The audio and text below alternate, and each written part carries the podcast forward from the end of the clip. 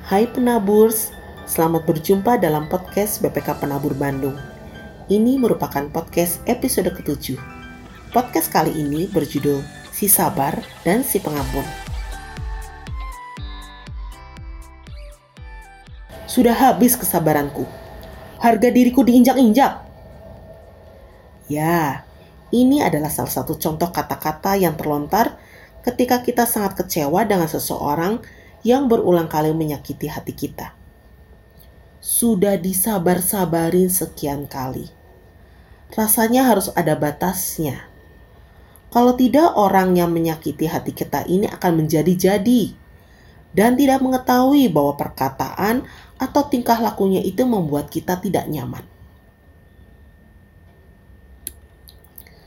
Sebenarnya kesabaran memang ada batasnya atau kita yang membuat batasnya?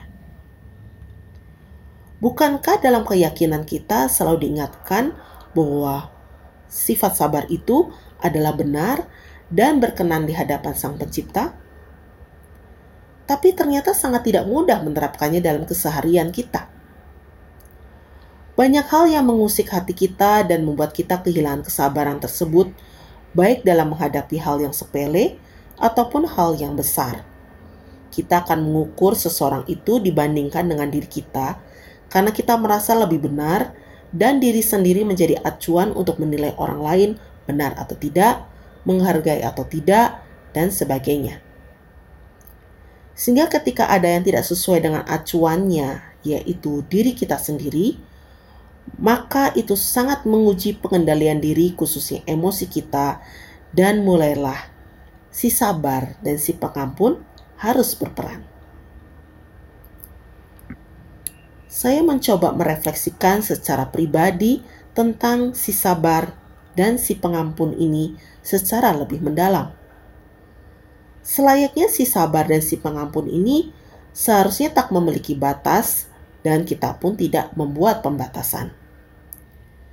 Tapi bukan berarti hidup jadi tidak boleh tegas dan banyak pemakluman, apalagi ketika menghadapi sebuah hal yang salah.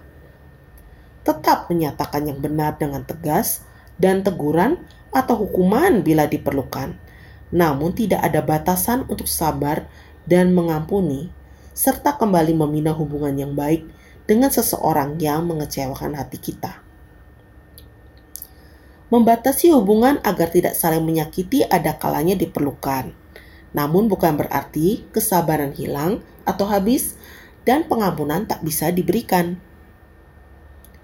Bukan hal yang mudah, tapi bukan tidak bisa.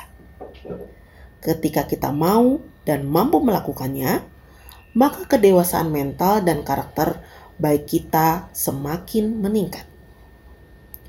Untuk menghadapi masalah-masalah besar, pastinya memerlukan proses. Tidak apa-apa, yang terpenting kita mau menggumulinya dan terus mengupayakan.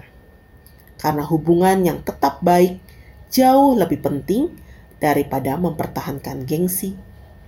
Kelegaan hati karena bisa mengampuni akan meringankan langkah hidup kita ke depan daripada membawa dendam. Sekian dulu podcast episode ketujuh ini.